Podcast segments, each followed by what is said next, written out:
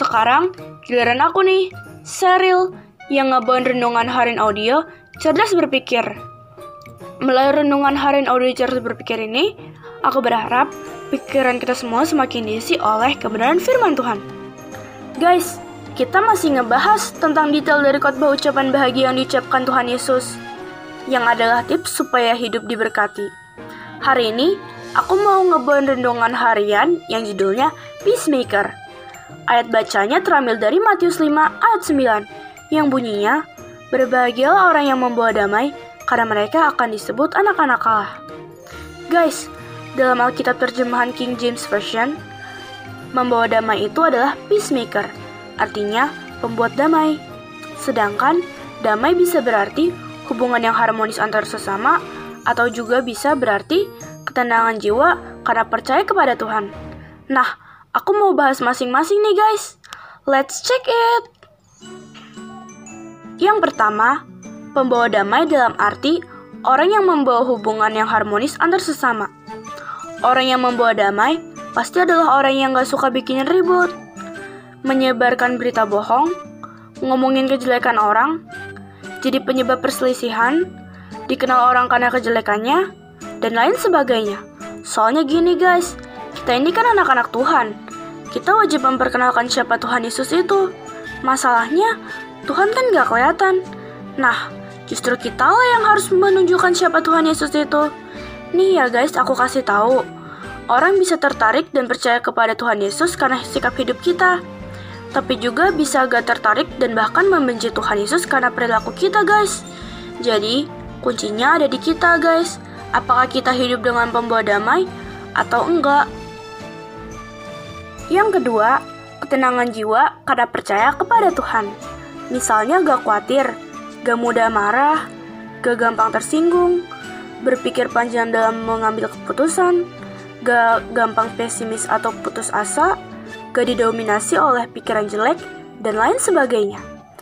Guys, orang yang memiliki ketenangan jiwa pasti terlihat dari sikapnya. Begitu juga orang yang gak memiliki ketenangan jiwa. Misalnya nih ya, Orang yang punya kecenderungan mudah berpikir jelek. Bawaannya jelek terus pikirannya terhadap orang lain. Terus besar kemungkinan dia bakal ngomongin isi pemikirannya tersebut ke orang lain. Yang kayak gini nih, yang bisa menimbulkan perpecahan, perselisihan, bahkan perusuhan. Bukan membawa damai kan guys? Ada lagi nih guys, misalnya perasaan takut yang berlebihan sebagai contoh orang yang memiliki ketenangan jiwa. Hmm, dia bisa tuh takut akan banyak hal. Takut gagal lah, takut gak bisa lah, takut kecewa lah, dan lain sebagainya. Akhirnya, dia jadi orang yang gak berani untuk melakukan sesuatu demi peningkatan kualitas hidupnya. Hmm, tentu masih banyak lagi contoh yang lainnya. Guys, sebenarnya ya, orang yang memiliki ketenangan jiwa karena percaya kepada Tuhan adalah orang yang bukan hanya bisa menjadi pembawa damai, tapi juga orang-orang yang kuat dalam menjalani hidup.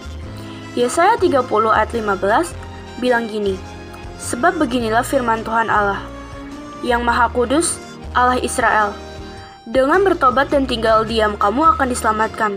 Dalam tinggal tenang dan percaya terletak kekuatanmu. Tetapi kamu enggan. Guys, sebelum kita membawa damai bagi sesama, ya hati kita kudu damai dulu ya guys dengan memiliki ketenangan jiwa karena percaya kepada Tuhan. Kalau gak gitu, ya nanti apa pun yang kita lakukan bisa jadi bukan pembawa damai, malah perselisihan kayak contoh tadi. Segitu aja dulu ya guys renungannya. Nah, sekarang mari kita berdoa bersama.